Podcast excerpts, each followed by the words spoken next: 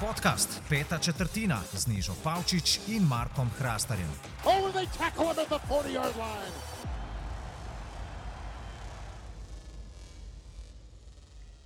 Spoštovane poslušalke in spoštovani poslušalci podcasta Peta četrtina, pozdravljeni po dolgem, dolgem, dolgem času. Eh, Nabralo se je ogromno tem, ampak ker je sezona pred nami, eh, sva z Nežo rekla, da ja, zdaj pa res čas, da, da odpremo določene teme tik pred začetkom sezone 2020, ki bo tudi letos na Sportklubu. In ker bo letos ob meni na mesto Tilna Lovšeta prišel aktualni cornerback Domžale Tigersov, Rok Gregorič, ga danes pozdravljava tudi v najni družbi Rok. Najprej pridi malce bliže, ne, da se te bo sploh slišalo in izvoli. Ja, nač, hvala za povabilo. Že podcast poslušam, odkar je prišel ven. Sem čakal, Vseh sedem epizod. kot sem veš, po vsaki epizodi sem ti kaj napisal, s čim sem se strinjal, kaj bi še lahko kje povedali. No, danes da- imaš pa priložnost. No, evo, bom lahko. Sam svoj kritik boš. Ne? No, tako da res sem bil vesel, ker si mi napisal, če bi prišel na današnjo epizodo. da- Ja, Rok je danes gost. Ne. Uh, s katero temo bomo začeli od 812, ki so se nabrale v tem času, odkar z Nežo nisva več posnela. Na zadnji smo bili konec aprila. Uf, Mislim, da je, bil, da je bila ta zadnja epizoda namenjena Draftu. pregledu drafta. Mhm. ja. Jaz se predlagam, jaz predlagam, glede na to, da se naslednji četrtek že začne uh, sezona, da začnemo kar pri uh, vajnih favoritih, pa mogoče Dark Horsih. Uh, Si pa kar skočil. Ja, da je užilo, uži- užilo, takoj, tigre, res. Tako da bomo potem druge teme obdelali. No. Ne vem, uh, jasno, letos bodo favoriti tista ekipa, ki je včeraj podaljšala pogodbo, s, če sem prav videl, svojim glavnim trenerjem, Andyjem Reidom In GM-om. in GM-om, tako je rok. Uh, torej, Kansas mora biti, seveda, favorit, aktualni prvaki, bistveno niso spremenili ekipe, celo pojačali so jo malo, kot sem videl. Uh, Rok, ti si imel cel teden že polna usta tega, kdo so tvoji uh, um, tihi favoriti za naslov. Pa daj ti najprej začni no, s svojimi tihimi favoriti, zakaj in pa tistimi favoriti, ki niso tihi, ampak jih vsi pričakujejo, da bojo pri vrhu, pa jih tudi ti. No, če začnem s slednjimi, dokler je Patrick Mahomes v Kansas City Chiefs, oni enostavno morajo biti prvi favoriti, ker ko imaš tako dobrega podajalca, ti lahko sam rešuje tekme. Ni važno točno, kakšno ekipo zgradiš okoli njega, zgolj da je obramba kolikor toliko, pa ti bo Patrick Mahomes sam zmagal tisti šura, eh, pač šuraut s katero koli ekipo. Um, ker imajo na lovilcih praktično atletsko ekipo, ki bi lahko šla na olimpijske igre, so nerešljiva uganka tudi za marsikatero izmed boljših obramb. Uh, Kansas City je daleč od tega, da bi imel slabo obrambo, uh, kar so pokazali konec koncev. Uh, tudi v Super Bowlu so se pač pokazali, sploh Tyron Matthew je zdaj končno tisti Tyron Matthew iz LSU-ja, um, če spustimo off the field uh, težave. Kar se pa tiče, v bistvu ni več. Ne? jih sploh ni več. Točno to.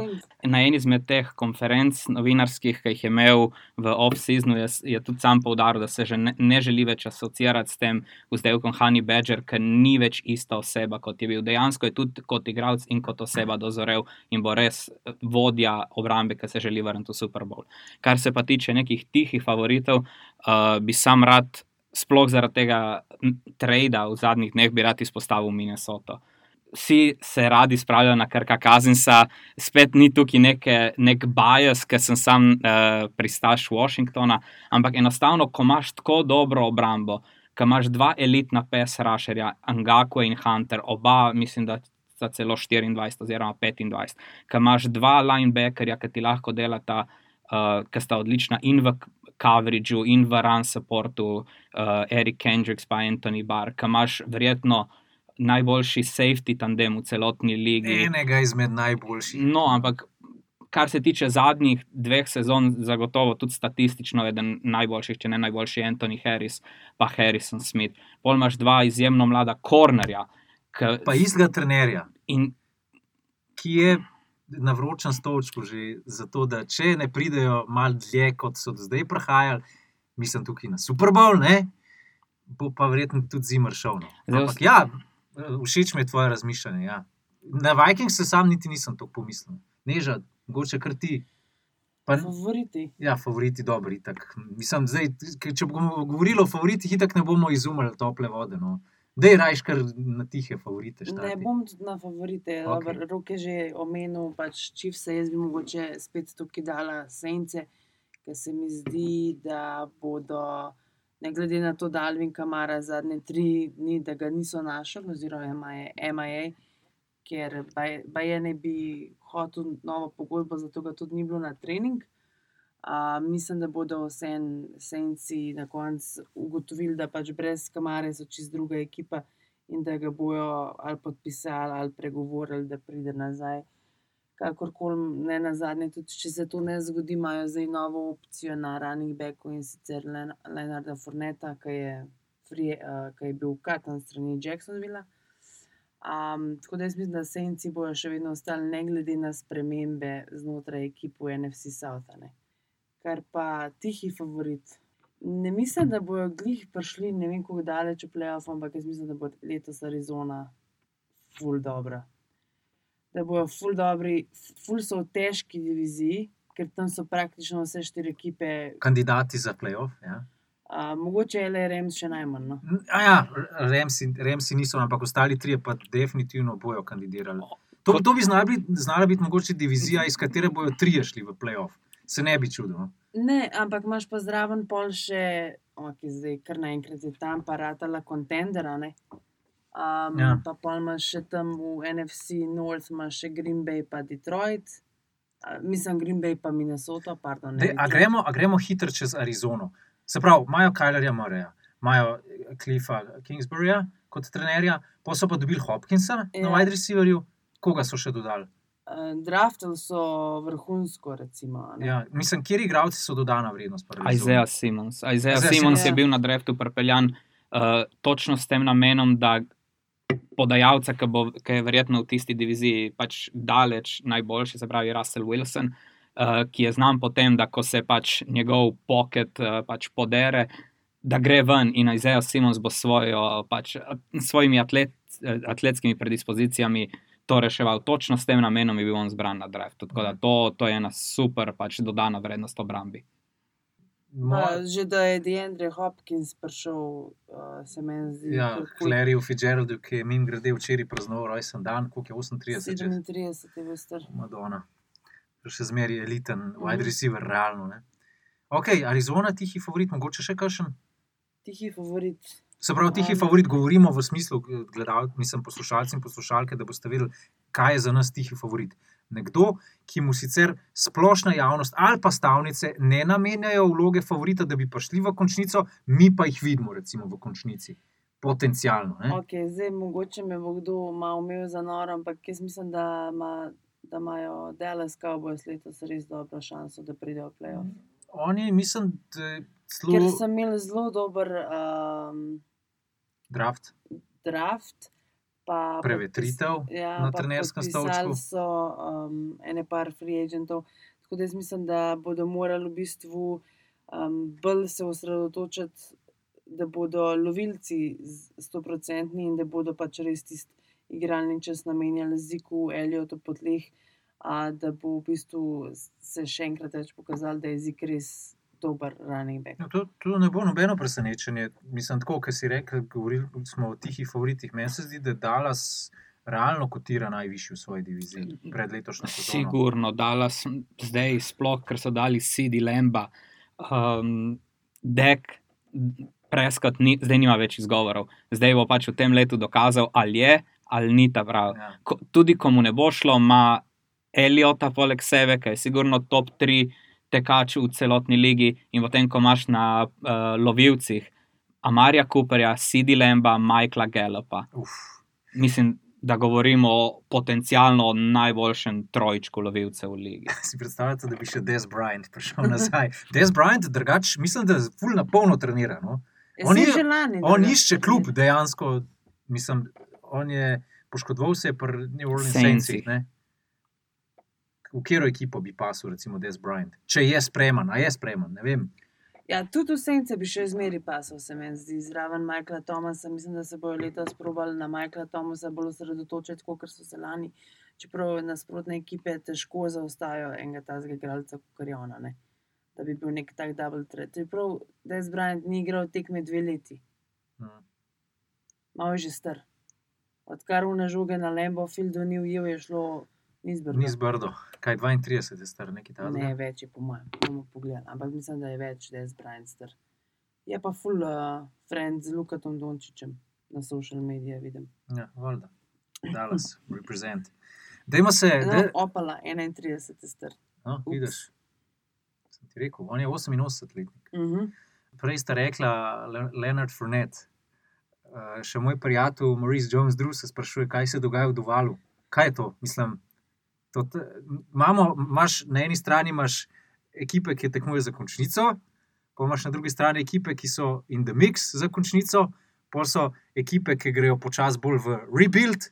Pa so pa Jacksonville Jaguarsi, ki je še hujši od rebuilda. Kaj? A, a bojo oni sploh nabrali kakšno zmago letos? Na začetku se je zdelo, da grejo zgolj skozi neko tranzicijo, se pravi, nek rebuild uh, in v tem procesu svoje najboljše igralce, ki pač ekipa ve, da trenutno še ni kontender za playoff, raje zamenja za kakšen nabo- nabor na izboru, uh, izbor na naboru, oziroma pač še kakšnega več, v primeru Jalena Remzija, ki so dobili dva first rounderja. To pa, kar zdaj Jacksonville počne, to si pa tudi sam težko razlagam. Ker eno je, da enega igralca, dva, Kalejsa Campbella so poslali v Ravens za fifth rounderja, se pravi v petem krogu, uh, Angaku je tudi samo uh, drugi krok nabora, potem potencialno tretji, če Minnesota prije v Super Bowl, ampak se pravi, bo, Ja, pa če bo prav bowler. bo, bo četrti na mesto peti. Ampak govorimo o izplenih za igre, res mizernem izplenu. Ja, Fourneta so pa relisali, ne? Ja, tri, tri, tri leta potem, ko izbereš igralca kot četrtega na naboru, ga enostavno se mu zahvali za sodelovanje, ker, kolikor jaz vem, so ga imeli trenerji pač, pol, pač puhne kufre in so mu pač rekli, da ni, da ni pač ta prav za ekipo. Ampak kaj boš potem rekel, da je Rajko Larmsted tvoj naslednik, ki je imel lani kaj tri jarde na povprečno na tek. In zdaj obraz te franšize je Brkonja, ki vse poziva prek družabnih omrežij, da naj ga vključijo v svoj draft, fantasy in da, bo, in da naj uporabijo hashtag, da, bodo, da bojo dobili potem uh, ne vem, kaj. Neki z pivo. Bud Lightom, Ja. neka ja. sponzorska pogodba oziroma neka reklama. Pa tudi sam Minši Umenija je zgolj neka zgodbica, ki je bilo lepo za prodajati, ampak se mi zdi, da veliko ljudi kuje Minšija nekam v nebo, v, med najboljše podajalce, recimo top 15, top 20, ampak se je treba zavedati, da je ta min, pač, Minši umenja je zgolj zaradi tega, ker je pač sama menja. To nima neke konkretne osnove in Minši je zgolj nek feel good story, ki na dolgi rok pač je vsem jasno, da to ni ta pravi odgovor na pač poziciji podajalca. Ja, pač zgodba o nekem, bom tako kar po domače rekel, kmetavzarju, ki pride v ligo, uh, odloči dve tekme, pa jih pet zajebe. Ne? Ali Kaj takega. Pa tudi social media, kid story je. Ja. Garner Mišo in to je to. Um, oni so tudi AJ-ja. Uh, AJ Buje, je šel ven, ki so ga tradili. ja. Uh, niti enega prvega pika zadnjih pet let niso, več, niso obdržali. Torej, od leta 2015 nima enega prvega pika v svoji. Ja, Pa najboljša je tista, tisti posnetek, ki mi ga je rok poslal, mislim, da včeraj, ki gre en majster v svoji omari, v garderobi, gre čez obešalnike, pa sam premika te drese, najprej uh, tega Blakea Bortlesa, pol Ngakoja, pol Robinsona, pol Furneta, Pa A, Remzi še vmes. pa še Remzi. Ja. Vsi ti fanti so šli. In letos bom zelo presenečen, če bodo Jacksonville Jaguarsi nabrali tri zmage, res presežem pri mami. Jaz mislim, da jim kašen 1 in 15 ne ujde. Ampak oni so tri leta Nazaj, Torej, tri leta igrali nazaj na, so bili. na pragu Super Bowla 10 minut proč. Ja, z Blakeom Bortlesom. Kdo bi si to mislil? dokler ni prišel en Danny Amendola. Uh -huh. Uh, kaj bomo rekli glede Patriotsov? Mi njih ne smemo neža, že zaradi tebe ne. Uh, sama si doskrat okrcala Kema Newtona, spomnim se, da si imela veliko čez Newtona povedati, predvsem takrat, ko se je pokroviteljsko obnašal do tvoje kolegice novinarke, ki ga je vprašala o določenih ravtih. Uh -huh. Kem Newton jo je pa pokroviteljsko odslovil, češ, kaj pa ti veš o Access and Dose, kaj pa ti veš o, o schemah. Mislim, a ti bi se dejansko res rada o tem pogovarjala z mano. Tako, pač, takrat si ga kar fejst skurcala. Ne? Kakšno je pa mnenje Niže Pavčič danes? Uh, A, a, septembra nisem- 2020, ko je Cam Newton postal quarterback a, tiste franšize, za katero ti bije srce. Še vedno mislim, da je kreten, da se ne zna obnašati pač do žensk. Mora se naučiti, da tudi punce kdaj kaj vejo o futbalu, ne samo moški. Čeprav pa Bill Beličik pravi, da no one works harder Ja? than Cam Newton. No, nisi videl tega kvota, mislim, da od danes ali včeraj. O, po včerajšnjem Ja. treningu in pač danes se je. Ja, on rad trenira, ne? zdaj pa koliko se pa zakople v film. Nisem si mislila na zadnje, ko smo se pogovarjali na podkastu, smo ugotavljali, kam bo Cam Newton šel. In Niti no en, po mojem, ni rekel, da bo šel v New England. Tako da to je bilo za me presenečenje. Ja, Ja, je- rok zate. Na prvo žogo je sigurno to presenečenje. Potem, ko pa pogledaš, kaj so Patrioci dejansko imeli na izbiro, če želiš, re, so res verjeli v Stidama.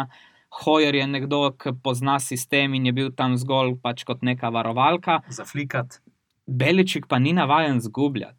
In kaj narediš, če nisi navaden zgubljati, podpišeš najboljšega podajalca, ki je bil na voljo pač kot prosti igralec. Kaj me najbolj smešen? Ker tako berem, da naj bi kao Stidem pa Newton še tekmovala za prvo mesto. Koga vi farbate? No? Saj vsi vemo, da bo Cam Newton začenjal. Ampak, a ne bo čuden, Cam Newton bo bil starting quarterback, tako zdaj, ki si pomislim, čez 12 dni, ne 10, ok, 10, ki bo to prišlo ven, bo pač igral, mislim, da proti Miami igrajo prvo ali proti Jetsom. Nisem si še točno pogledala. V glavnem bo prišel ven iz tunela, ne bo Just prišel. Okay, kaj je bilo to zdaj? A to imaš kakšen opomnik, neža? To imam uh, Siri. Uh, v glavnem Siri, koliko zmag bo letos dosegel New England Patriots? 10. 12.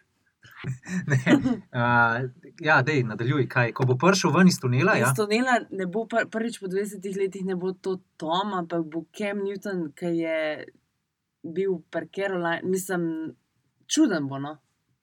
Čuden bo. Ampak ne samo, kar se tiče sprememb na quarterbacku, meni se zdi tudi, da bo zelo pomembno, koliko uh, igralcev bo dejansko manjkalo zaradi um, tega, ker so hold-out.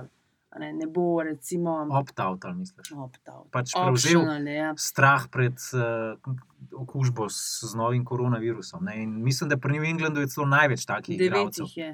Devet, recimo uh, Patrick Chung, ne bo Donta Hightower. Donta Hightowerja, ne bo oba Makortija bosta igrala, čeprav ona dva sta zelo velika aktivista in se meni zdi, da če bo še naprej Black Lives Matter. ja, tako, kot je, kot je bilo recimo v NBA-ju, pa pol MLB, pa Bosta protestirala. NHL, da znata tudi ona dva kaj um, se premisliti. Pol Durona Harmona ne bo več, ker so ga tradali v. Drona so tradali v Detroit, Mhm. Uh, jaz še vsem mislim, da so oni kontenderji v AFC East, se pa po mojem zna zgoditi, da Bo Buffalo prevzel vajeti. ja.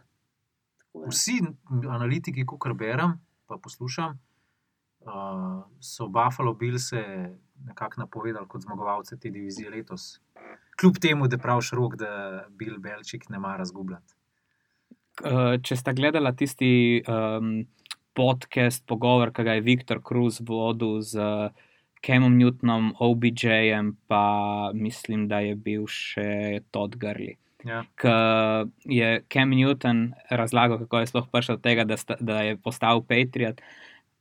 S cigaro v ustih, No, pač to je ta njegov šarm. Ja.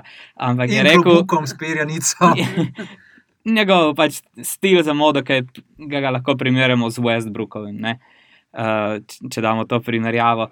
Je rekel, ko je, ko je slišal to od svojega agenta, je rekel, ne vem, kako se bo jaz pa Beliček razumela, ampak kar nju, nju dva druži, eh, kaj, kar ima skupno, je to, da pač zmagujeta in hočeta zmagovati, ta želja po zmagi, ta neka lakota, da vsak play odigraš 110%. In lik zaradi tega se mi zdi, da bo, čeprav na prvo žogo res deluje, bo delovalo čudno, je to nekaj, kar zna biti res, res dobro. Tudi Newton je sam rekel, da je z Magdanijem sem govoril in mu je rekel, "N- ne želim nadomestiti Bradyja, ampak. Zdaj boš lahko poklical par akcij, ki jih 20 let nisi mogel, oziroma pač kolikor je McDaniel že če se spomnite, ko, se je, ko je bil Brady suspendan, kaj prve štiri tekme, prve pet tekem, Prve štiri. prve ja. štiri, uh, ki je Briset bil starter tisti dve tekmi.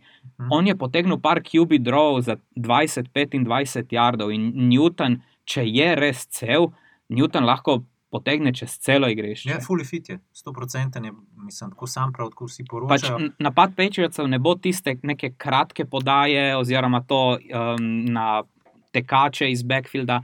Dejansko bo neka nova dimenzija z Newtonom in to mene res veseli videti Patriots. Men, mene je tudi strah tega, da bomo videli zdaj Patriots na steroidih, od tistega, kar smo lanskrat, pa predlan videli, pač še z Bradyjem. Ne.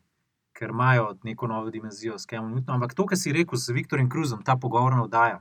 A veste, kaj je bilo pa meni najbolj zanimivo?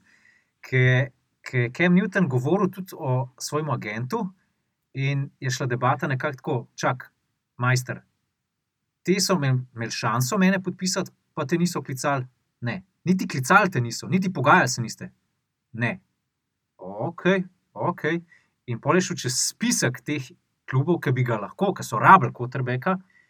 In potem, ko so ga že podpisali Patrioci, je šel čez spisek tistih klubov, pred katerim pa Patrioci igrajo. In je kar ene par teh klubov, ki so ga, po domač povedan, snabali. Med drugim mislim, da je tudi Chargersi. No? To je ratalo zdaj za Newtona nekaj osebnega, neka misija ja. za se dokazati. In proti tistim klubom bo grizel in to fejst. ne. Recimo, pa tudi mislim, da letos ne igrajo s Carolino, ampak naslednji let igrajo s Carolino. Mhm. Tako da, če bo slučajno takrat Kem Newton še nosil res Patriotsov, mislim, da zna biti zanimiv. Ja, je tak človek, da vzame osebno. Fejst. Zdaj, se- zdaj ste me spomnili, um, sicer poslušalcev in poslušalk to verjetno ne zanima, no, ampak danes je moj sin, ko šel v vrtec prvič in mi je žena javila v službo, da je v vrtcu njegov sošolc tudi nekdo, ki mu je ime Lamar. Zdaj, ne vem, ne vem, ali je črn ali ne, sam šla je čez spisek njegovih sošolcev in sošolk, je pač skupinica Zajčki, 14 teh uh Mhm. -huh. uh, fantkov, pa punčk. In je eno imela Mar, ni pa, ni pa bilo primka. No, ampak se bom po starših pozanimal, če je to zaradi Kendrika Lamarja Ja, ali. Lamarja Jacksona. Glede na to, da je otrok tudi star tam leto, leto pa pol, kot moj sinko, ne, bi znal biti, da je mogoče celo v Sloveniji se že začel trend dajanja imen po nekaterih uh, igralcih v Ligi NFL. Uh, Ali pa od Lamarja odoma, pa ima še fantazijo izpred nekaj let nazaj. Možno, možno, zaradi Kardashianov ali kako. Ja, pa zaradi bordela v Vegasu. No, ne, to je bila istočnica za Ravens. Kaj bomo letos rekli za Ravens? Uf, jaz mislim, da so z naskokom glavni favoriti v, v NFC, uh, AFC Sever. Z naskokom. Okay. Da verjetno bodo Brownsi, upam, da za tvoje dobro, ker se ta oranžna čelada tako le svet, um, da bodo boljši, kot so bili lani. Baker bo pač letos mogel dokazati, da uh, je bil z, z razlogom izbran kot prvi, da zdaj, zdaj se ne spi več. Uh, tudi OBJ se bo mogel prebuditi iz nekega spanca, čeprav jaz še vedno mislim, da sta ona neka nasilo ustvarjena povezava, da pač nista isti tip igralca, oziroma uh, OBJ ni tak tip igralca, kot bi ustrezal Bakerju. Mm, In um, tudi Juice Landry bo mogel pač se temu prilagoditi, temu gameplanu, ki pa upam, da ga ima Kevin Stefanski naštudiran. Ja, mislim, da je največji game changer pri Brownsih je predvsem Stefanski, ne, ker eh, pač tisti kmetavzar iz Alabame ni, ni pil vode. Ne. To, da se dobro razumeš s quarterbackom, še ne pomeni, da boš imel rezultate. Zato smo že v prejšnjih podcestih razlagali. Jaz, jaz imam, mislim, kot navijač oziroma simpatizer Brownsov. To vedno ne razumete, pa noben tega ne razume. To pač sam tisti, ki za Brownse navijamo, razumemo, da moš zmeri, tudi takrat, ko imaš dober občutek, moš imeti neki distance. Pa tako, ne, se itak ne bo rata, itak bomo bedni, itak bomo zanač, itak bomo, ne vem, 4-12. Ampak letos, majke mi, da imam res dober občutek. tako se mi zdi, da so se pa zdaj pa res vse kockice složile. Imamo dobrega tega Jema Berryja, ki je full dobro draft. Mi smo imeli, po moje, pa nočem biti biased, ampak po mojem smo imeli top 5 draft letos od vseh klubov. Stefanski se mi zdi študiozen tip, se mi zdi miren tip, ker zna tudi pred novinarji dobro reagirati. Se mi zdi, da bo dobro postavil tudi. Uh, to mi je všeč, da bomo malo več igrali na, na taj dende. Uh, pa še zdravi so fanti. Pa še Baker je malo bolj prizemljen, potem ko je snimal reklame, je zdaj pač videl, da še ni bil čas za snemati reklame. Ne? In mal pa bom razočaran, če ne bomo prišli v playoff. Res. Čeprav 18 let že čakamo, ampak če pa letos ne bomo, pa bom pa pravno že resigniran. No. Tako, ta prava beseda je to. Tako, next year is our year, ali kako, tako kot navijači Liverpoola. Ja, Ampak so ga Ja, dočakali. točno tako, ne? Točno tako. Ne, Brownsi se mi zdi enostavno preveč talentirana ekipa, da jim ne bi uspelo. Edina neka res taka zevajoča luknja je na položaju linebackerja. zdaj pa sploh, ker je Mac Wilson pač poškodovan in ga mislim, da celo sezono. Vse ostalo, če greš od pozicije do pozicije, lahko, go, če izuzamemo Bakerja, lahko govorimo na vsaki poziciji o vsaj enem posamezniku v top 10 na tis, pač tisti poziciji. Ampak ne more se pa skrb sestaviti. Ja, a Ne, jaz pač, mislim, da niso imeli niti podpore GM-a, niti trenerja. Vsak je hotel neki sam, OBJ so nasprotne ekipe odrezale, Landry ne more sam in je to to. Baker je neki posiljeval tam na quarterbacku in jaz mislim, da je zaradi tega, ker so bili oni tako umeten hype na te Brownse je bil narejen.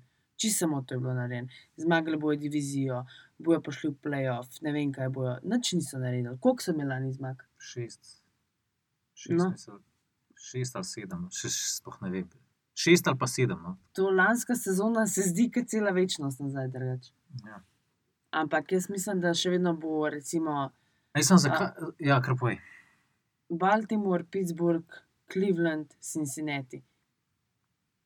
Ja, se jih zaradi tega sem te hotel vprašati, kako da vidiš tako močno zmago za Baltimore, ker imamo še Pittsburgh. Ne? Pittsburgh ima izga trenerja, ima ekipo, ki nima več nobenega, ki bi bil toksičen, ima Big Bena, ki pa je full fit za svoje leta, ne?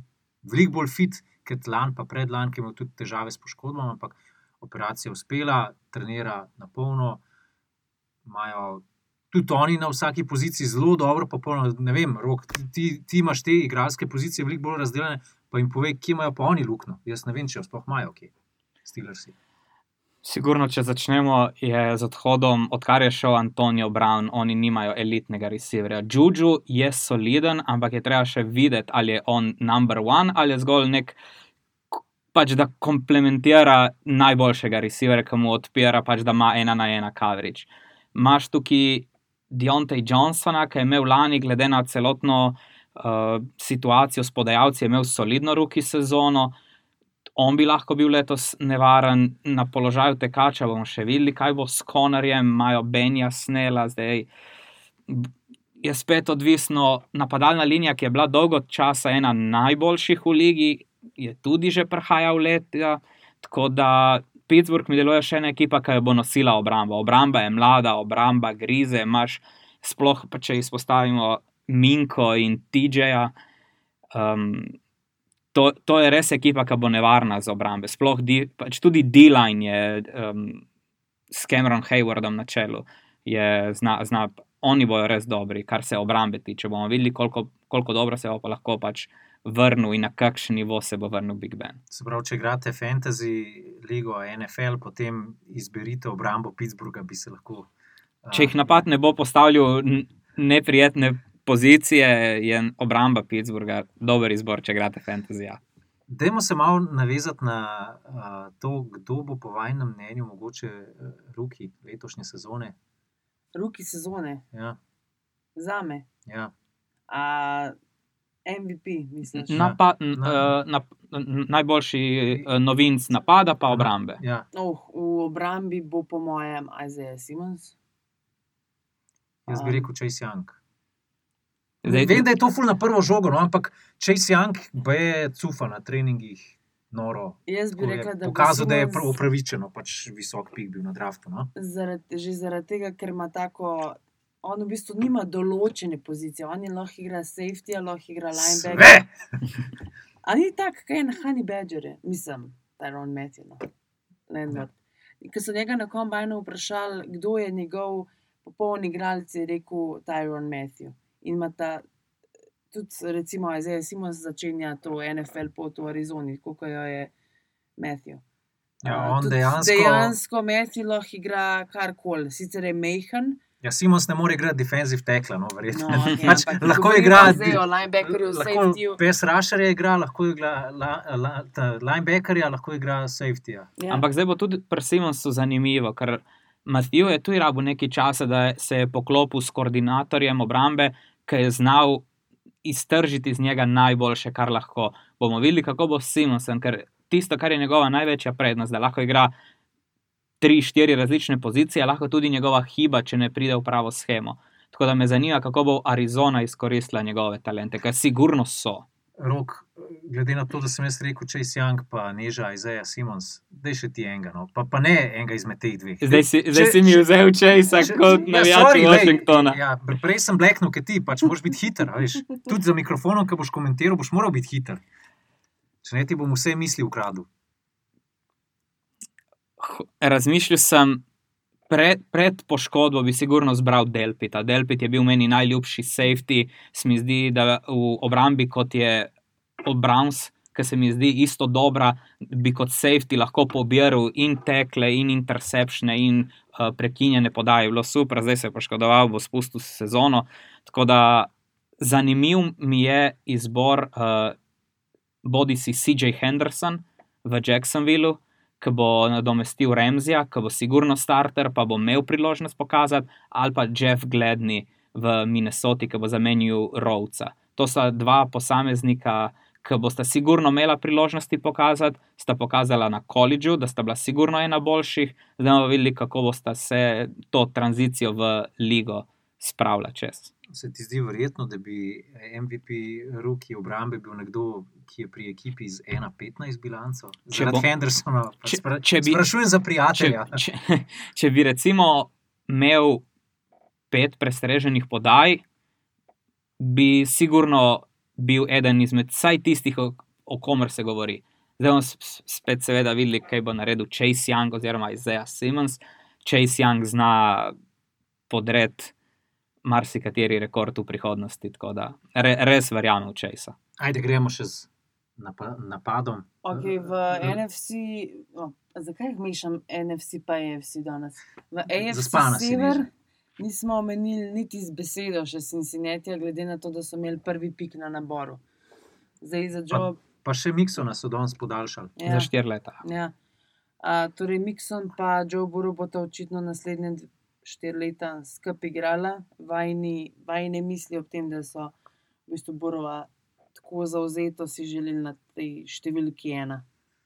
Mislim, če, če lahko grem jaz, Ja, Roki, prvi, uh, da je bilo to zelo očitno že od, kaj vem, po mojem, že od začetka sezone, da Cincinnati enostavno rabi neko spremembo. Pa ne, da je bil uh, Andy Dalton slab podajalec, samo v napačni, v napačni situaciji. Cincinnati ni nek raj za podajalce, Carson Palmer je svoje naj, najboljša leta naredil zunaj Cincinnatija, Andy Dalton je nekako držal to ekipo v stiku z gladino, mogoče nad, niso sicer zabeležili tiste zmage v playoffu, tako željene. Brov, zdaj bomo spet videli, ali je bila tista sanska sezona res, po mojem, bo ne mogoče ponoviti, lani v koledžu, ampak če se spomnite še eno leto nazaj, če gremo dve leti nazaj, Brov bi bil zbran v peti do šesti rundi. On je z Ohio State prišel v LSU, zaradi tega, je izgubil uh, službo, če temu tako rečemo, proti Dwaynu Haskinsu. In potem on bi pred tistim bil pet, peti, oziroma v peti, oziroma šesti rundi izbran. Zdaj videli, ali je to zgolj ena izjemna situacija, ker si imel tri lovilce, ki Justin Jefferson, Jamar Chase, Terence Marshall, ki so bili enostavno. Ne da je Brl metal slabo, ampak v marsikateri 50-50 situaciji so ga rešili uh, lovilci. Dobri wide receiver. Ja. So, imel je najboljšo linijo kar, bo, kar v Cincinnatiju zagotovo ne bo. Cincinnati ima verjetno najslabšo, če ne sigurno med tremi najslabšimi napadalnimi Mhm. linijami v celi ligi. Uh, Mikson je sigurno uh, podcenjen tekač in mu, bo sigur, in mu bo prav prišel na tekmah in v situacijah, ko mu bo recimo pač zagustilo. Uh, Med takega zanesljivega tekača, ki se mi zdi, da v svoji NFL karieri še ni fumblu, sploh, oziroma da je imel nekaj dva ali tri v štirih sezonah, je pač res tako nekaj, kar mu bo prav prišlo. Sigurno, da imaš AJ Greena, je ok, Tylera Boyda, bomo videli, če bo John Ross uspel rešiti kariero po tistem slavnem kombajnu. Ja, Um, še ni naredil, v bistvu, ne? če tako pogledamo. Nič. John Nič. Ross ni. Hiter je tekel To je Ja. pa to. in to je to. Uh, tako da Čak, za, za Miksna si rekel, da nima enega famla. ne? mislim, da jih ima z- Ja, on je imel probleme v bistvu v lifeu, sam s poškodbami. Burrow ne, bo- ne bo od samega začetka v situaciji za uspeh. In zdaj bo zanimivo videti, ali ima dejansko toliko talenta, ko je dala nekako pokazati tista lansko letna koliš sezona, ali pa je bila to zgor neka izjemna situacija. Kar spet ni narobe, če bi bil Burrow zgor nek game manager, ampak pač ne bo mogel biti to v Cincinnati. Tako da bo zanimivo, kako bo tudi uh, njihov head coach, ki naj bi bil. Uh, QB Whisperer, nekdo, ki ga je osebno priporočil Sean McVeigh.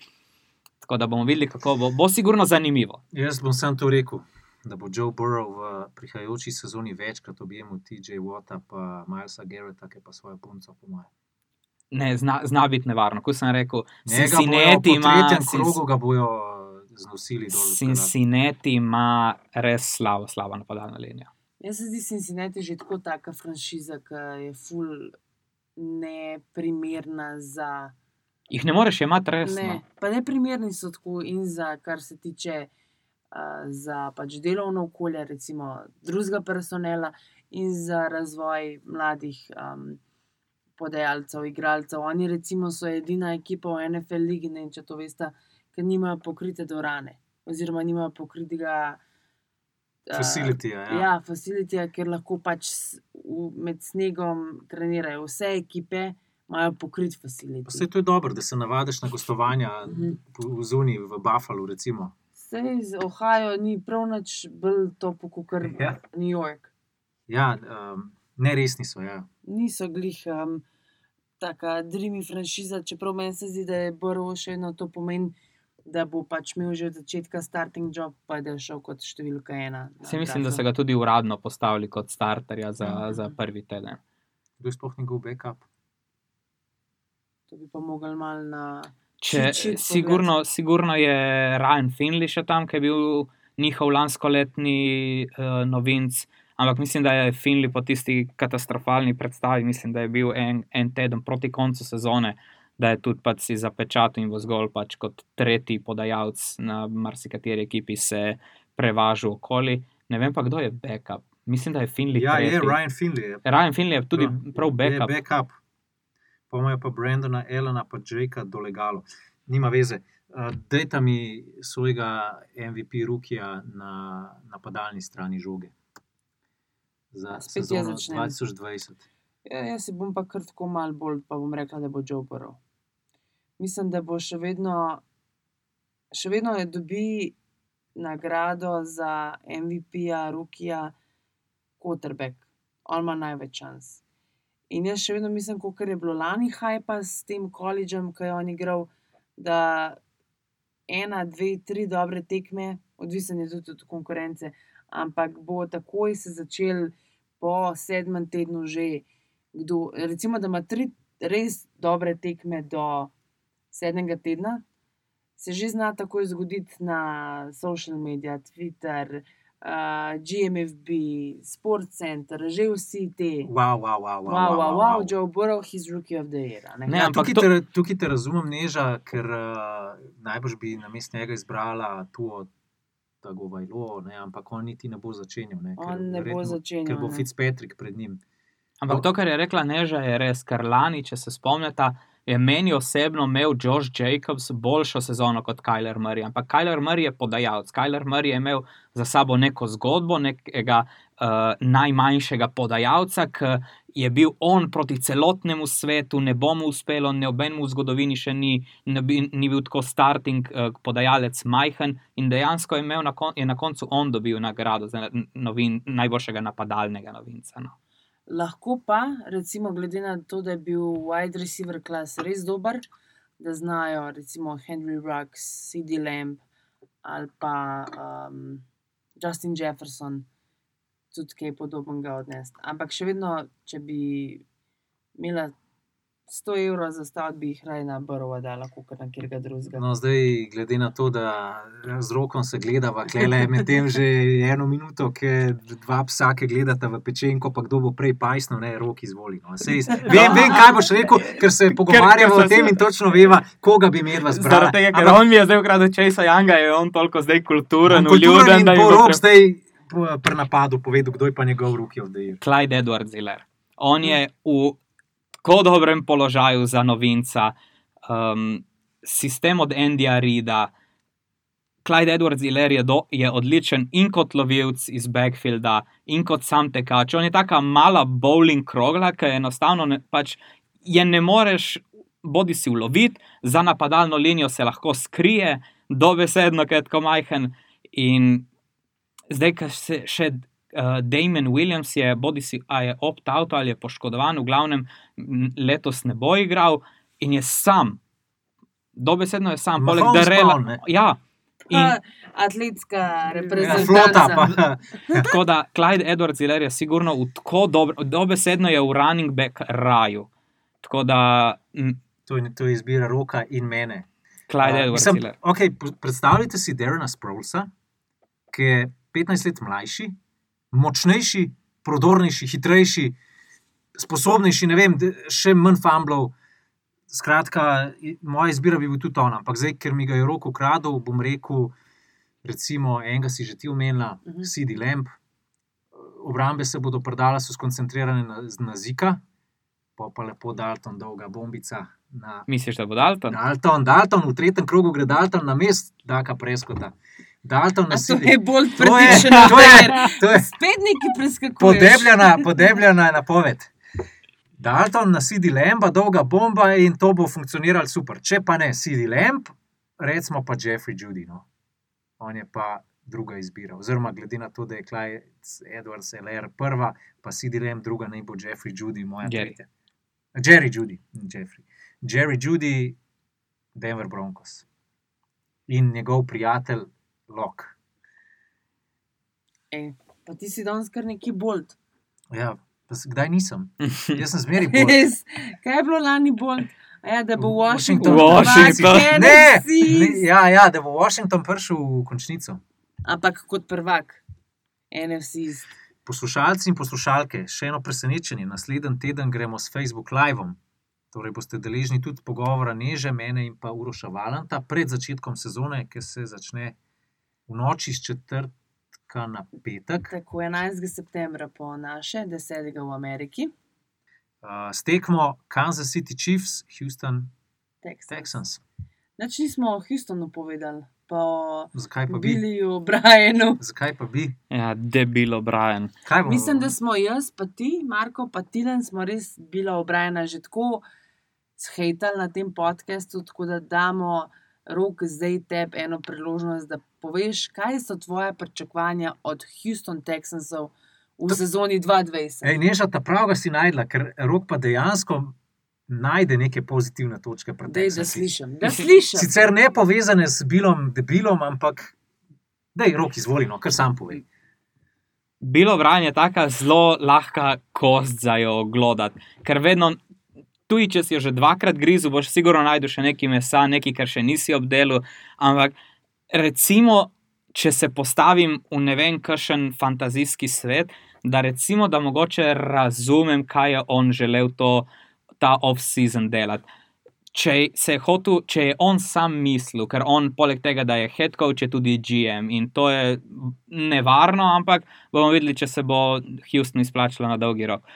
Da je on je, po moje, s temi menjavami, kar je naredil, se pravi, da pr, prišel je Brandon Cooks, bil je že Will Fuller, Kiki QT je tam, pa še Rendala Koba, so, ki sicer ni najhitrejši, ampak je recimo neka zanesljiva slot opcija.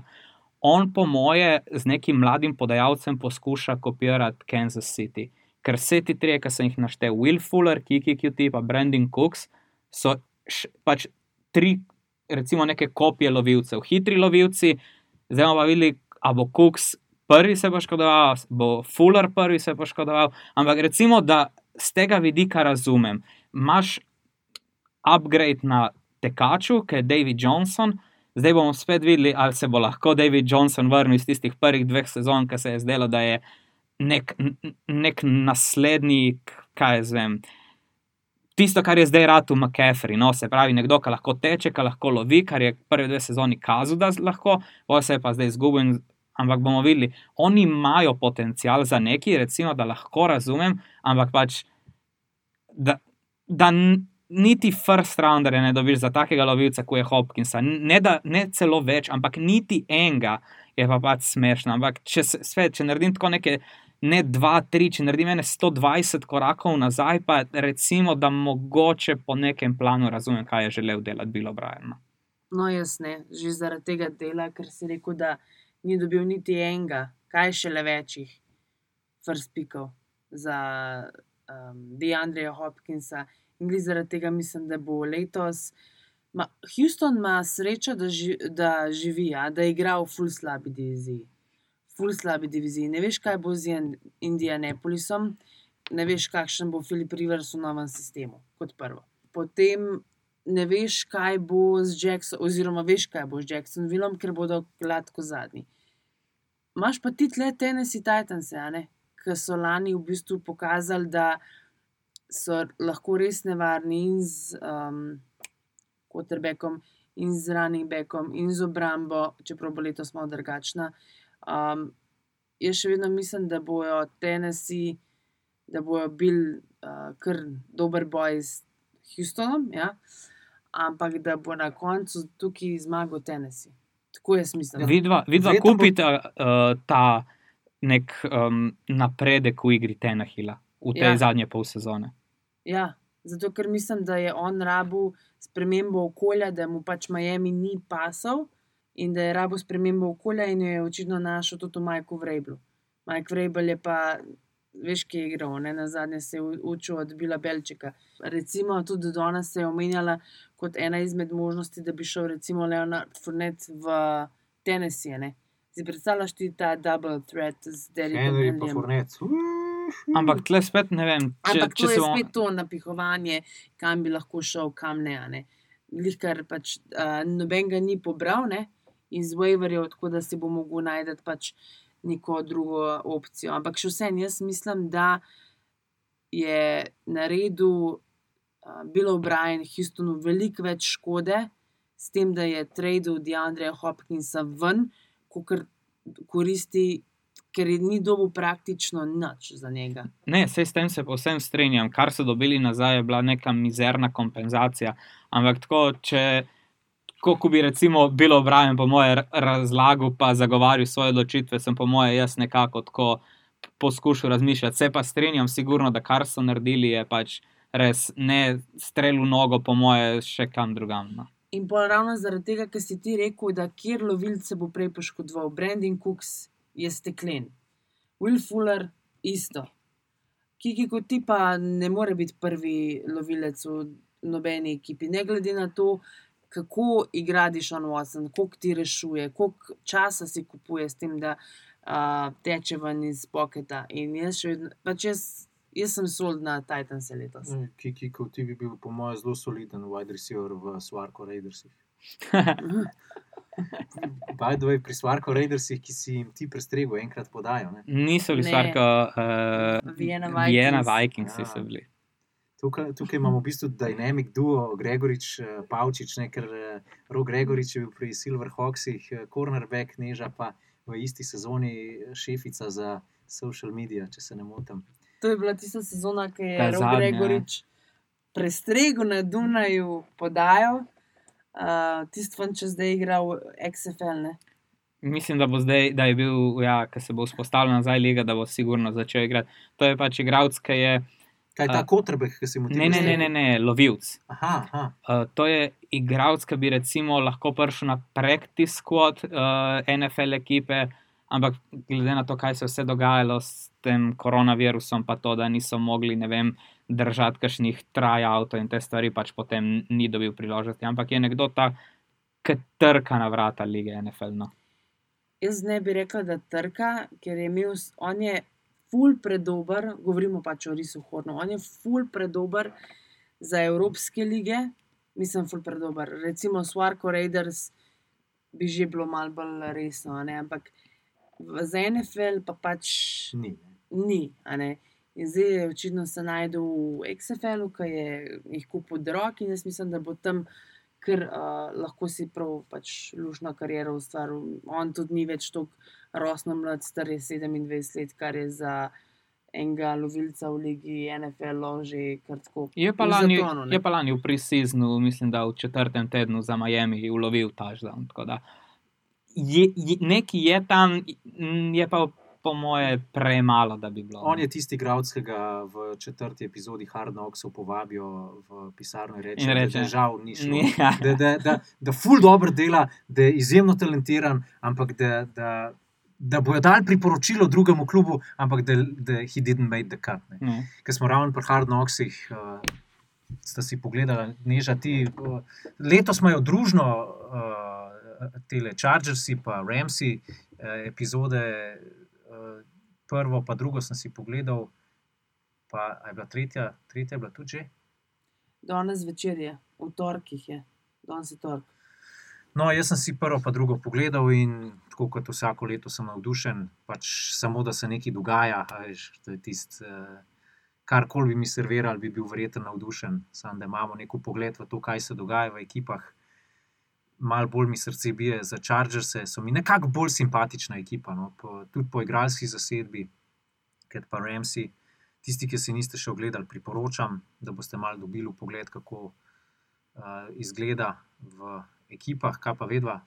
Neža, ti si mislim, da nisi pogledala Jaz si nisem pogledala, ker sem imela zdaj lepo let malo drugih obveznosti, ampak bom nadoknadila do začetka sezone, dokler ne pride ven. Uh, torej, do naslednjega četrtka bom zihar pogledala vse tri dele. Rok.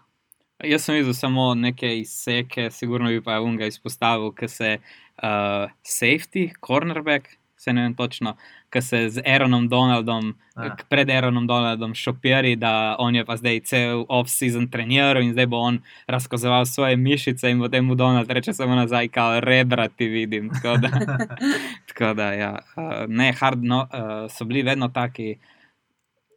ko Ne, neki za si dobesedno dati v žilo pred sezono, da vzbudi nek hype, da se da vedeti, nogomet je zelo, zelo blizu, tako da zdaj se pripravite, tako da ja, hard knocks so sigurno za pogled. No.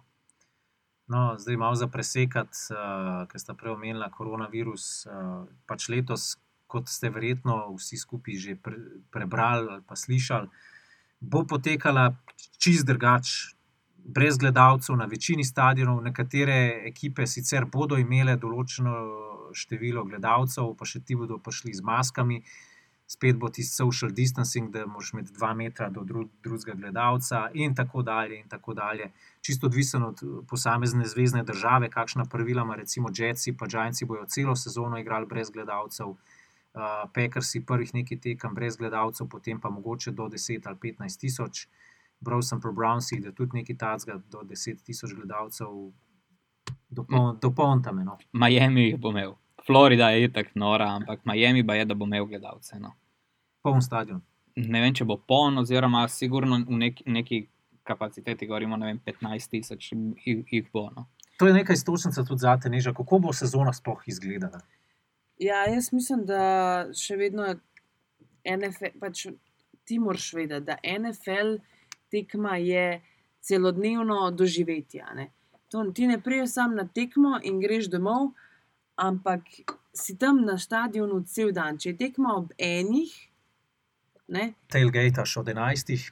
pa ne od 11, od 8 zjutraj piješ, ješ. Uh, karta za povprečno dobro ekipo stane 100 evrov, če gre cela familija, je to 400 evrov.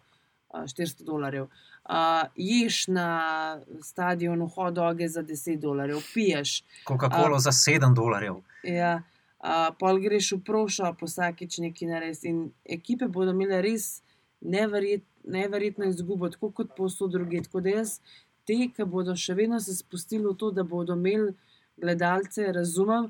Recimo, meni gre pri NBA, ko ga gledam v Bablu, sej ok. Razumem, hoče narediti, da ni ekshibicijska tekma, ampak tam un speaker, ki zadane uno trojko, ki speaker govori, meni je to res tako umetno ustvarjen. Tako da gledalci manjkajo, ok, se zavedam, pač moramo se zavedati, da to ni tako, ko- kot je bilo včasih, mislim, kot je bilo še lani ta sezona, ampak vsem pač šport brez gledalcev ne more obstajati. Zadnjič, ki finale lige prvakov, sploh ni feelinga, da je to neka pomembna tekma, zgleda, da je pač res, ne vem, Hall of Fame game več gledalcev, kot kar. Ne? Ja. A veš, in pol, kar en Hall of Fame game se zdi bolj pomemben, kot kar, um, ne vem, kako bo pa v playoffu, a tudi ne bo gledalcev. Jaz mislim, da bodo mogli tudi v Ameriki malo na to pomisliti, ker to ima lahko res veliko posledic, ne samo na igralce, ampak tudi na ekipe. In če ti računaš, da je recimo vsak plačal 100 dolarjev povprečno ali pa 150 za tekmo, ne, pa jih je ne vem, 60 tisoč gledalcev pride, koliko imaš ti vsak teden, torej 8 tednov, imaš, koliko imaš vsak teden zgube sam zaradi kart. Ja, Dobro, še- Chargersi verjetno jih nima, ne bojo imeli dosti izgub. Dobro, sem še zmeraj so tukaj sponzorji, pa televizijske pravice, ki tukaj bo pa še vse enkrat dosti priliva. In zaradi tega bo sploh sezona stekla, ne? drugače itak ne bi. Ja, ampak ti še vedno si navajen ne, nečesa, da imaš dobička tok in tok, tega ne bo zdaj. Tako da jaz mislim, da bodo vs, vsaj, ne vem, Filadelfija, vem, da do nadaljnega ne bo imela Green Bay, vsaj prve dve tekme ne bo imel. Mislim, da Kansas jih bo imel 22 tisoč, ta prvo tekmo, ko bojo dvignili um, Championship banner, pa pa tudi ne vem. In mislim, da bojo ekipe s časoma um, v bistvu začele malo popuščati pri teh ukrepih. Pa po mojem bo tudi same zvezdne države rahljale ukrepe in sčasoma pustile več in več gledalcev na stadionu. Tako da po mojem to je zgolj Ja, ma kdaj, ma, marc 2021, pač. Ja. ja. se nič ne umirja, se se nikjer ne umirja, se gre v številke. Kako da se ne umirja? Ka, ker se umirja že, da odpreš um, spletne strani glavnih slovenskih medijev, pa pustimo, kdo je. Ni več nikjer v na prvih novicah dneva zaslediti, kje je koliko številk, zaradi tega, ker grejo cifre nadol. In je tudi v Ameriki je isto. CNN ne poroča o, o rasti številk, ampak zdaj izpostavljajo volitve, ker je zdaj hype na tem. Pol spodaj je Black Lives Matter. Ni več toliko, mislim, še vedno jih je na tisoče, ampak jih je pa veliko manj. Ja, okay, je ampak, bilo na ampak še spajku. zmeri, še zmeri imamo kaj, tri opcije. Da bi zdaj, to je sicer odstotek ali pa dva odstotka, da bi kar naenkrat se številke spet strmo povzpele, bi sezono odpovedali. Ampak za to praktično ni več šans. Dobro. Druga opcija je to, da gre sezona normalno čez 16 tekem rednega dela in potem končnica. Tretja opcija, ki si jo pa ti meni rok zanč povedal, je pa to, da bi imeli 12 tekem rednega dela in potem končnico. Sem kako bi pol to speljali? 12 tekem, mislim, kje tekme bi pol po, cancel. po Te mojem. ta prve. Po moje je bilo to, to idejo, smi, da je predstavil, uh, upam, da bom zdaj prav rekel, Mark Davis, ali, ali je tisti, ki je že umrl od Raidersov. Ja, pač Ja. lastnik No, no, Las Vegasa. No, ja. la- lastnik Las Vegasa je to predstavil, te tri ideje, ki si jih ti zdaj naštel, ampak to je bilo po mojem zgolj v tistem trenutku, ko še niso vedeli, koliko se bo celotna stvar uh, umirila s temi 12 tekmi, se pravi, da bi odpovedali prve štiri tedne. Ja, zdaj se je umirila in Mene, mene, bolj, 16. mene bolj skrbi, kaj se zgodi, če, se- če se znotraj ene ekipe pojavijo tri, štiri pozitivni primeri. Ker to so potem posamezniki, ki so bili v kontaktu s celotno ekipo. To ne bo možno samo tiste štiri izolirati. In potem ameriški nogomet ni tako, kot recimo, kaj je zvem, bejzbol, ki lahko odigraš dve tekmi.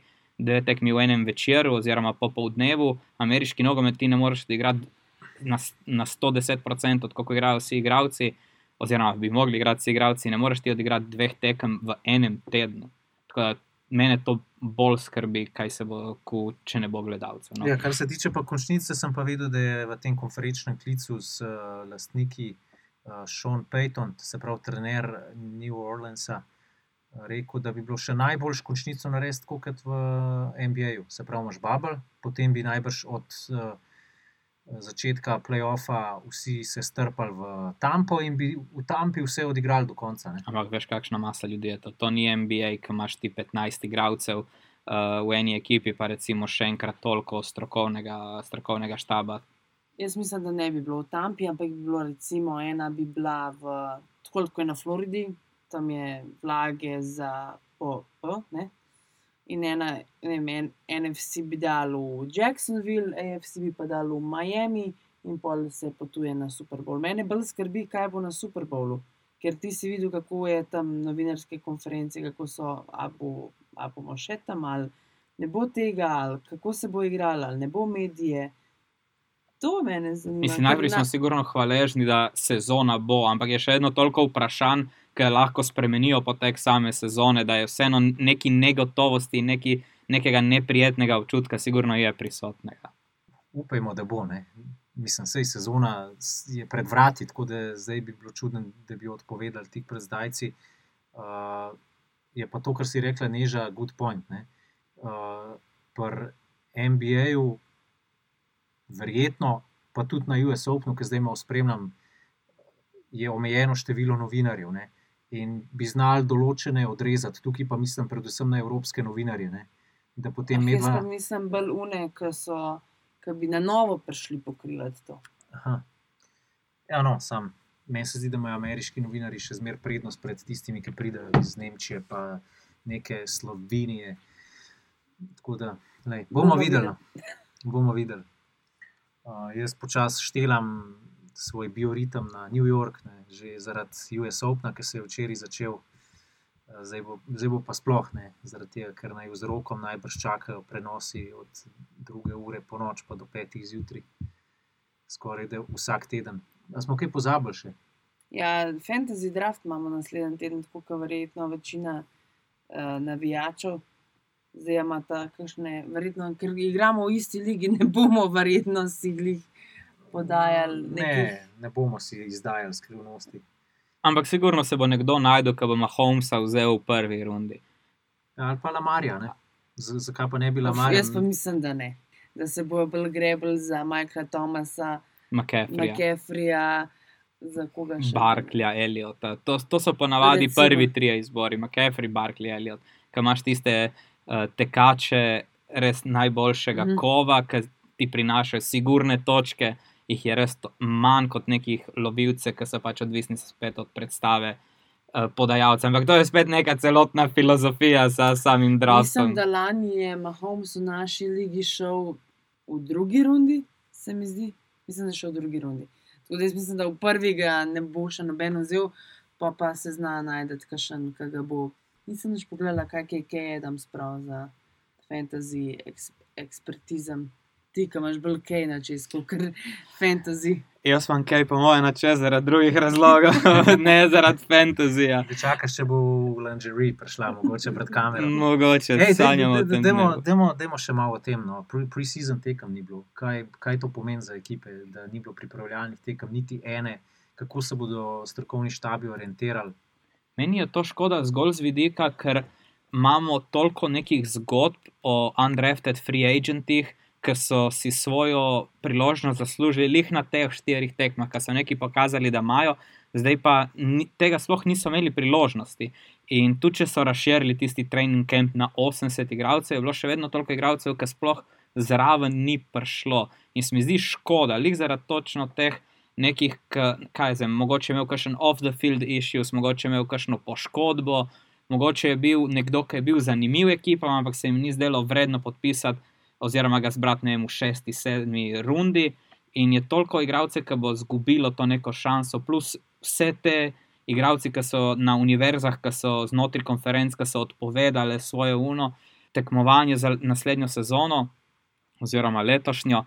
Um, se, se mi zdi celotna stvar škoda, lih zaradi tega, zaradi teh igralcev, zaradi teh posameznikov, ki ne bodo imeli možnosti živeti svoje sanje. No. To se je že recimo z, odpo z odpovedjo prodajev pokazalo. Zato, ker tisti, ki so bili recimo iz, sploh iz Division 2 a ne, ali pa iz tretje divizije, se niso mogli na svojih dnevih tako pokazati, kot se je recimo Brov. Pa Brov in Young nista metala, pa, oziroma tekla na pro, uh, na kombajnu, ampak se je še vsem vedel za te boljše prospekte, kaj lahko pričakuješ od enega, ki je pa recimo bil projektan šesta, sedma runda, ne, pa so ga pol pač um, skenslali, kaj bo pa tak človek. ne. In točno to, tudi mislim, da je Joe Burrow tvitnil potem, ko se je Pac-12 pa Big Ten, mislim, da ko so se odločili, da bojo skenslali sezono, je napisal, da razume, zakaj jo bojo, ampak da če bi se to njemu zgodilo, bi verjetno zdaj doma za računalnikom sedel in pisal prošnje, tako kot Mhm. recimo vs, vsak Oziroma, ja, da, bi bil, človek. da bi prodajal avtomobile. V, ja. bi bil. In točno to, pač meni se še vedno zdi, da rabijo tudi te, še vedno veliko teh v bistvu college playerjev, ki bojo dal opt-out za letošnjo sezono, ampak recimo to so večinoma taki, ki že nekako veš, kaj od njih pričakuješ. Nek status, ki se jih Ja. ja. ustvarja. Tisti, ki, ki so bili že ne vem, dve, tri leta res top of the top. Jamar Mm, Chase. Ja, Majka Parsons, pa Džamar, če se je v glih včeraj, se Ja. meni zdi objavil, a ne, da ne bo. Ampak taki, kot pa recimo je bil Joe Burrow, a ne, bojo pa lahko isto kot on, pač naslednji let se prijavljali na vem, uh, second hand car dealership, Ja. prosta mesta. ne. In to je pač res full stvari za sabo potegne. Tudi da še vedno mislim, da bi se morali igrati, pač lahko se naredi očitno. Uh, pri NHL-u, pa pri NFL-u, pa pri NBA-ju so pač nekako pogruntali, da se da to izvesti. Je pa res, da pri NFL-u res že zaradi tega, ker je toliko več igralcev in toliko več štaba in toliko več pozornosti usmerjene na to, da je veliko težje. Pa tudi en babel je težje narediti, ker ne morejo igralci NFL-a igrati, kot si ti rekel, dve tekmi na teden. Že ko greš iz nedelje na četrtek, je katastrofa. No, in posledično je tudi potem več nekih posameznikov, ki bi pravila prekršili, kot tisti Ruki Cornerback od Seahawksov, ki je probil v klubski hotel pretihotapiti punco za eno noč. Uh, In je dal opremo od Seahawksov, da, da, ga ne, da, ga ne bi, da je ne, nje ne bi prepoznali, pa so ga vseeno dobili, pa ga katali. Tako da, ko imaš večjo maso ljudi, imaš večjo možnost, da gre nekaj narobe. Tip je moral biti fejst potreben. Ej, sam, če, če sem prav uh, prebral, Big Ten pa Pac-12 sta odpovedana. Ja.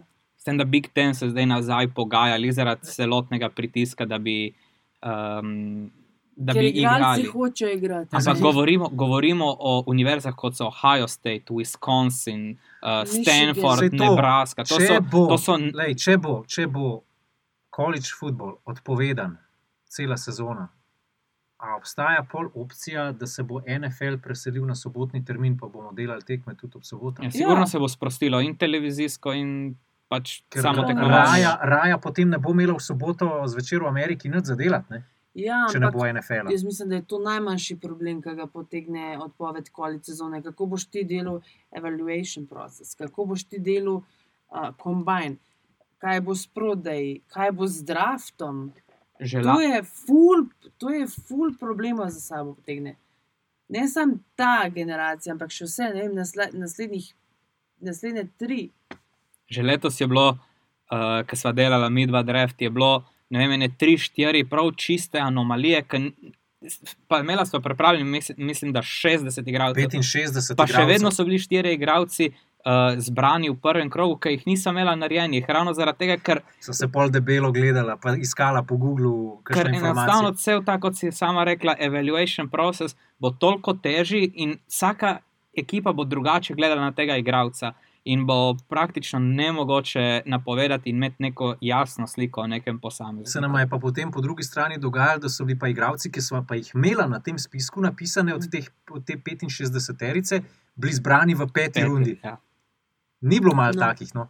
Recimo, to je dober primer. Tako da to, a se bo igralo v soboto ali nedeljo, se se tudi že neki let, mislim, da septembra, 14, 15, ne, decembra, 14, 15, 16 teden se igra ob sobotah, tako da to ne bo noč. Pač mor, morali bodo zapolniti, bo šlo verjetno na ESPN, v ne dve tekmi in bo to to.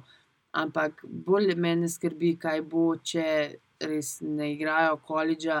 Um, pač ne vem, se verjetno je 90% teh fantov, ki igrajo college football, ali pa ne 90, 100%, si, vsak si želi prijeti v NFL, ne vsak hoče biti tisti, ki bo slišal svoje ime um, poklicano na draftu in tudi zaradi tega se mi zdi, da bo s tem, pač tem fantom narejeni, narejenega več slabega, kot kar dobrega.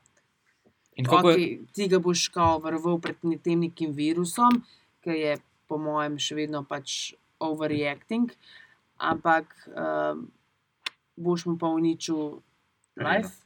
Ja, kariero. ampak kot je lepo, če ste videli izpostavil Trevor Lawrence.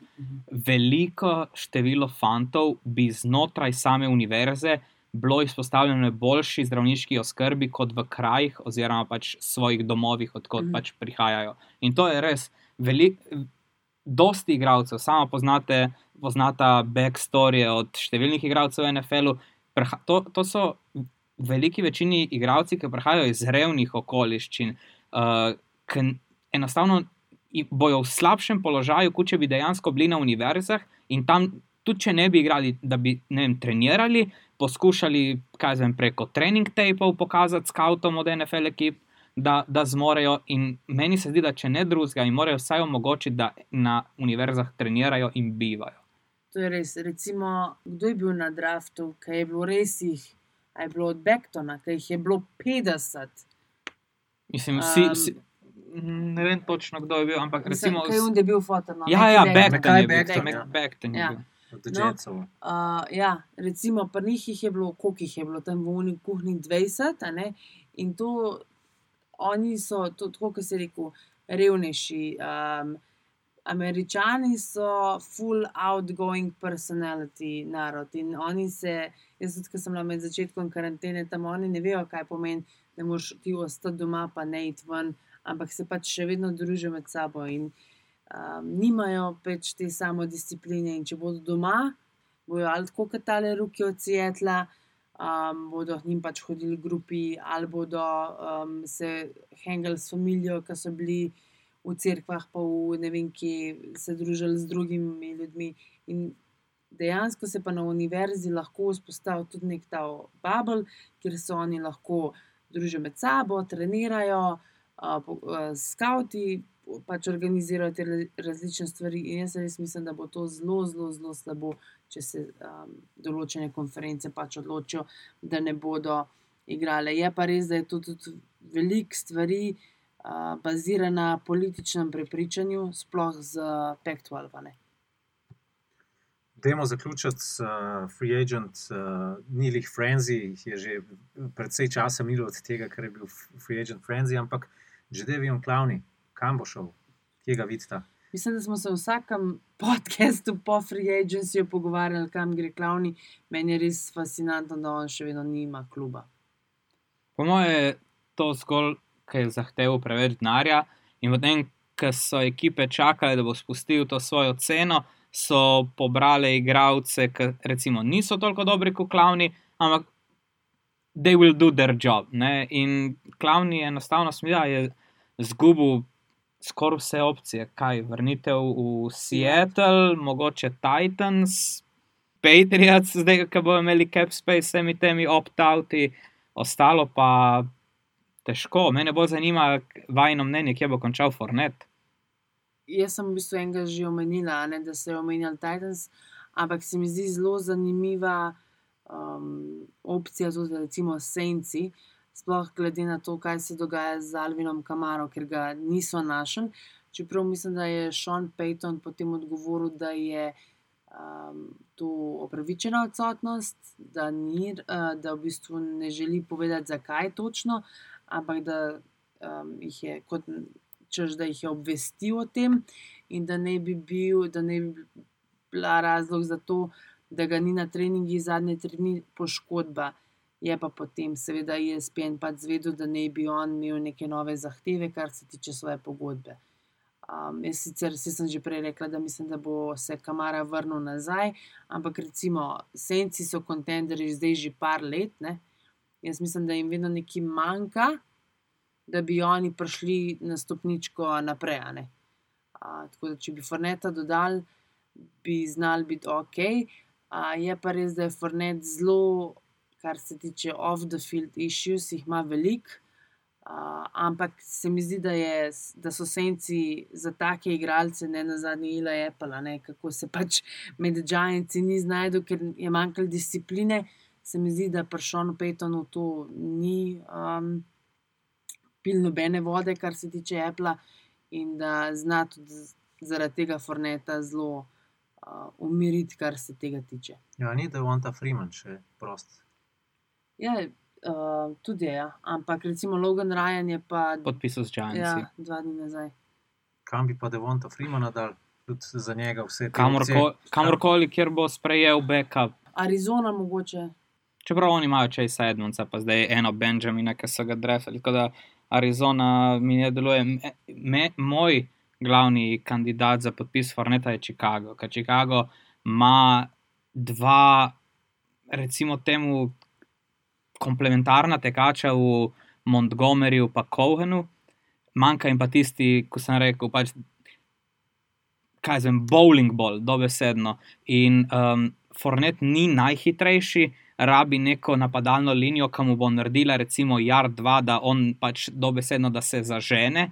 In če bo šel v situacijo, kjer bo napadalna linija katastrofalna, tudi on ne bo naredil. Način Chicago ima vsaj tisti notranji del um, napadalne linije, ima, ima soliden. Tako da Chicago bi, bi meni bil zelo všečen field za Forneta.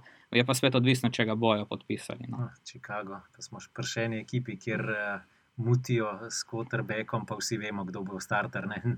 Ali bo Fowles ali Trubiski, mislim, da bi klele vsi trije anonimno glasovali za istega. Ja, za Folsa. Ne? Ja, Ja. seveda. Zdaj sem lahko gledal, Je bilo, sem bila. Uh, Ja, ne, a res. kom, kdo bo pa na dnu NFC North? Ja, Detroit. Ne?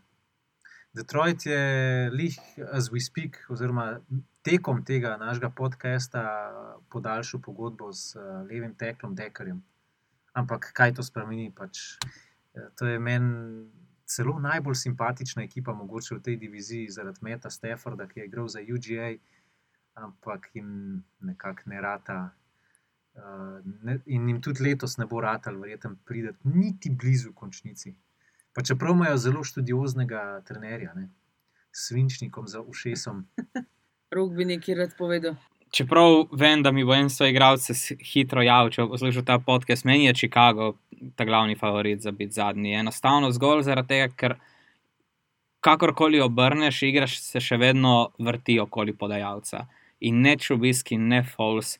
Pa prosim, ne mi prodaja tiste magične zgodbe o Super Bowlu in playoffu kot nek, uh, neko merilo, neko merodajno, nek merodajen pokazatelj, kaj false je. Uh, nimajo podajalca, ki bi bil sposoben voditi to ekipo. Ko sem rekel, tekača ni ta pravga, lovilci so, bom rekel, simpatični. Alan Robinson, kakšno nesrečo ima on, da njego, zamislite si, da si eden boljših podajalc, uh, lovilcev v svojem razredu, ki pride na draft in potem sta tvoja prva dva podajalca v ligi, uh, Robbie Bortles pa Mitchell Trubisky in zdaj Nick Foles. Blake Bortles. Ja, Robbie Blake. Ja. No, uh, kakšno nesrečo moraš imeti. Da, da so to tvoji trije prvi podajalci in dejansko nimaš. Pa on je imel z Bortelsom tisoč jardov sezono, tako da. Ampak Chicago je meni zgolj zaradi tega, ker še ena ekipa, ki ima dobro obrambo, ampak pa pač napad ne bo držal v igri. Chicago ima pač, po moje, letos še ena ekipa, ki bo lovila, ne vem, štiri, mogoče pet zmag. Zanimivo. Kdo pa bo zmagal v tej diviziji, misliš? Green Minnesota. Bay Packers. Jaz mislim, da bo rok dal Minnesota. Jaz bi, jaz bi še vedno raje dal Minnesoto. Zgolj zaradi tega, ker Rogers, pa vem, da se bo tle neža nekako strinjala z mano kot pripadnica Brady Campa.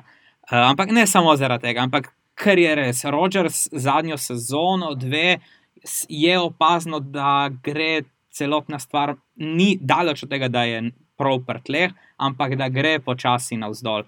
Tudi njihov draft je bil zelo, zelo nera, nerazumljiv. Uh, lovilci so še vedno Devontaj Adams in družščina, čeprav recimo, da je Lazard nekako druga opcija. Uh, obramba se je na začetku pokazala kot full dobra, potem, ko so jo dejansko pogruntali, je bila isto zelo porozna, 49ersi so jih razsekali na milijon koščkov. Tako da, po, če bo Zimmer kolikor toliko prilagodljiv in da ne bo ustrajal pri 90% ranov, je Minnesota, po mojem, dober kandidat za NFC Sever. Okay. Jaz se celo strinjam z rokom, da mislim, da bo Minnesota letos prvak NFC um, Severa. Pa tudi zaradi tega, ker um, še vedno jaz mislim, da se pri Pekersih neverjetno preveč zanašajo na to, da mi imamo Erona. Ja, imaš Erona, ampak on moraš vedno nekomu podati. Še vedno mora nekomu, recimo, ne samo Davante Adamsu, a ne. Davante Adams ima tudi probleme s svojimi steklenimi gležnji in še vedno nima. Pač mene je strah, da so Pekersi s temi drafti, ki so jih imeli, zapravili zlata leta Aerona vem, verjetno se boš ti strinjal. Ja, sigurno, da imaš ti uh, dva taka podajalca, kot sta Brad Favre in Aaron Rodgers, in da imaš v 40 letih dva Super Bowla za pokazati, je malo da ne smešno. No? No, pa tudi draftali so letos, v bistvu vsi so govorili, pričakovali, da bojo šli v obrambo, ki je bila full dobra obramba, kar se tiče draft klasa, in so v bistvu draftali nekega podpovprečnega do, pov, do povprečnega quarterbacka, Pač nek ki vsaj še Ja. tri leta ne bo mogel igrati. In pa je, da je trenutno na trening kampu porazen. Jaz berem same njega, mislim, kritike o Jordanu Lovu, da je daleč od tega, da je bil sploh pripravljen igrati. Tako da, mislim, vse so vedeli, kaj bojo dobili, ampak ne da je tako slabo. Plus v drugem krogu so zbrali AJ Dillona, ki spet sam po sebi ni slab, ampak zakaj te kaže, ki ima že Erona Jonesa in povsem dobrega backupa Jamala Williamsa. To, to mi res ni šlo skupaj, ker si točno vedel, da rabiš wide receiverja in da po odhodu, mogoče, no. pa linebackerja po odhodu in Martineza in tega še Fekrala, ki sta šla oba v Giants. Pač se je točno vedelo, kaj bi, kaj bi nekako rabili, in potem so vzeli točno, kaj jaz vem, kot da bi dali Leflorju neko igračko za po Rogers eri. Jaz mislim, da um, moramo nujno še vsaj besedico ali dve nameniti ekipi, ki se je najbolj ukrepila, Tampi. O njih nismo še nič spregovorili. Kako kaj izgleda ta Tom Brady in Rob Gronkowski na treningih neža? Mislim, da je Tom ene dva dni nazaj vrgel prve intercepšne, kar je videti po Instagramu, se zelo zabavata v Tampi. Priprav, Tom se verjetno pripravlja na pokoj. Uh, je pa tako, no, meni se zdi, da um, ni lahko se učiti enega novega playbooka po 20 letih z novim offensive, offensive koordinatorjem v takem času, kot je pač letos se pokazala. Ne? In glede danes sem poslušala, da se Brady v bistvu uči playbook s pomočjo neke simulacije. Torej, v bistvu, da si naštima k igrico uh, in da se uči, da se mu pač razporedijo in um, running back in wide receiverji potem, kot ima oni narejen playbook. Da si to s tem pomaga. Uh, so pa izpostavili, da letos mogoče končno zaradi vseh teh stvari, ki so se zgodile, da je šel v, nov, uh, v novo ekipo, pa da se mora nov playbook naučiti, se vidi, da Brady ni več tako mlad, ker je bil mlajši, ko je prišel Josh McDaniels nazaj, se je playbooka naučil zelo hiter, kar je v bistvu po eni strani tudi razumljivo. Ti si ne boš ta, take bukve debele naučil pa 43 iz danes na jutr. Um, bo pa zanimivo videti, kako se bo recimo pač na papirju imajo zelo dobro, zelo dober napad. Obramba bo pa, po mojem, veliko odvisna od um, Šeka Bereta. No. Lani je bil nek kot preboj, varianta. Me zanima, če bo letos tudi, tudi tako dober, ker veliko se od njega pričakuje in mislim, da ima on kar neko um, breme, no, da, da se izkaže, da se pokaže. Pa tudi zanima me, kako bo Rob Gronkowski igral, glede na to, da je bil leta 2018 že full polomljen in eno leto zdaj v bistvu praktično ni igral, je sam žural, zdaj bo pa treba pač res spet nekaj pokazati. Ne. Verjamem, da se bo lahko vrnil recimo, na, na 80% svojega. Um, ja, zato ker tudi moraš pač vedeti, da je Gronk je ogromen. In tudi, ko Brady recimo vrže žogo, pa da, da ga ne zadane tako le v roke, ampak da vrže recimo en meter stran, ne, gronk, ki stegne roko, žogo še vedno dobi. In jaz mislim, da se je tudi to lani pri pecih pokazalo napadu te luknje, ker je mogel Brady svojim receiverjem vršiti žogo točno v roke, drugače niso ujeli. Tako da to sodati njuno kemijo um, je ful nehvaležno, ker se pač toliko poznata in, in tudi off-field sta taka frenda, da se mora pač to tudi na igrišču videti. Kar se pa tiče zdravstvenega stanja, hrta pa pač Gronk lahko igra tudi kaj polomljena, ne? ampak ne vem pa, če je on res zdaj 100%, da se, da se, mislim, nikoli ni bil 100%, ne vedno je imel ene probleme. Tako da tudi zdaj dvomim, da je pocajten. Bolj ga je verjetno zamikal to, da, Tomom, da lahko s Tomom spet igra, pa ne za pece, ampak da se lahko da malo več duška, ta svoj gronk personality pokaže. Tako da, ne vem, mislim, da prvo tekmo igrajo proti Sencama, ne? Mhm. Ja, Sunday night football je. Ja. Tako da bomo že takrat zelo veliko videli, kako se bo Ja, to. zdaj, ko jaz berem poročila iz Kempa od Tampe, ni on niti drugi Tijdend. Kaj šele, da bi bil druga ali pa tretja izbira, uh, glede igre po zraku. O.J. Howard je tisti, ki ne bi bil prva Ja, tarča. vedno- Da, daleč najboljš bo jaz gledal O.J. Howard. Ampak še vedno moraš ti vedeti, da ravno zaradi tega, ker sta ona tako dolgo preigrala skupaj in se tako dolgo dobro poznata, ja. se bo verjeten v tistih, uh, kako se reče, crunch time, no? se bo Brady raje odločil za to, da bo na Gronka vrgu, kot na O.J. Howarda. Jaz tako mislim. no. Čeprav meni se zdi, da ravno zaradi tega, ker si ti na zadnji, to na zadnje omenila, uh, ker vsi to pričakujejo. Meni se zdi, da Gronk, pa nočem biti škodoželen, ampak Gronk je pač svoje resno delo zaključil in da bo, ko bo na igrišču, zgolj kot neka dimna zavesa. Ker pač, z- pa to govorim z vsem spoštovanjem. Gronk, bo, Gronk je trenutno zgolj ime. Bo nekdo, ki bo zaradi tega, kar je pokazal v ligi, kar je sigurno bilo, recimo, če smo radodarni, top 5 vseh časov Tidendov, um, je, bo sigurno diktiral kakšen double coverage v, v končni coni, sigurno bo, ravno zaradi svoje zapuščine v ligi, bo, um, bo treba dati neko dodatno pozornost na njega. Da bi se pa pričakovalo, ne vem, kaj za 800 jardov, 7-8 touchdownov, je pa zelo, zelo nerealno. Čeprav, ko, ko si samo omenil O.J. Howarda, Tampa Bay in sistem Brusa Ariansa nasploh malo tako sp- spregleda Tidende. Tudi to je bil eden izmed razlogov, da so O.J. Howarda hoteli tradati. Uh, v tem off-seasonu, mm. tako da bomo spet videli, koliko bo Gronk sploh vključen v sam napad. L- Eno zaradi samega sistema, drugo pa zaradi tega, v kakšnem stanju je on sam. Ne, jaz ne mislim, da bo on zdaj imel ne vem koliko touchdownov, pa jardov, ampak še vedno mislim, da takrat, ko bo prišlo do te odločitve, a vrš na Evansa, no, ok, Evans, ampak a vrš na uh, Howarda ali Gronka. Še vedno mislim, da bo raje šel na Gronka, ker ima ta connection, ne moreš reči, da ga nimata. ne. Ja, in to pač full Boston medija se full heca, kao, da ima Brady Circle of Trust in ga ima res, ker to se je lani videl. Če, ne, če ni vrgel direkt v roke wide receiverju, je bil drop. Ker pa Gronk je, Gronk je pač res never, mislim, jaz ne morem verjeti, kakšen je to človek, ker stegne roke, ima po mojem ene 2 metra pa 10 dolg. Razpona, Na ja. razpona. Um, in je res ogromen, tako da polovi vse, kar mu praktično vržeš.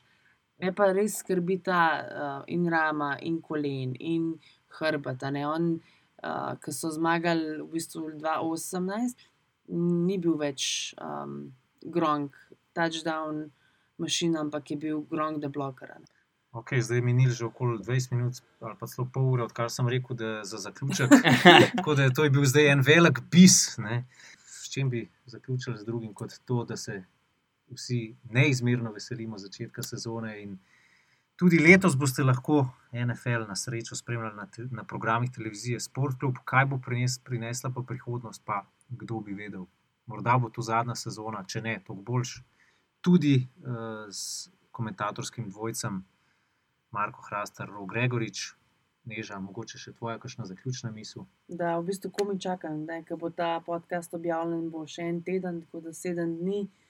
V bistvu od zadnje tekme se zdi res vem, pet let, ne pet mesecev, koliko jih je bilo. In sem full vesela, da se to dejansko dogaja. Torej, sezona se začne v četrtek s tekmo Houston, Kansas City. Favorit je jasen, Kansas bi moral zmagati, tudi favoriti so na stancah za 10 točk. In to tekmo si pač oglejte, vabljeni v našo družbo tudi v tej sezoni, pa upam, da bomo čim več podcastov posneli tekom sezone 2020. Rok, te pa hvala za obisk. Ja, hvala vam za povabilo. Čau! Čau. Čau!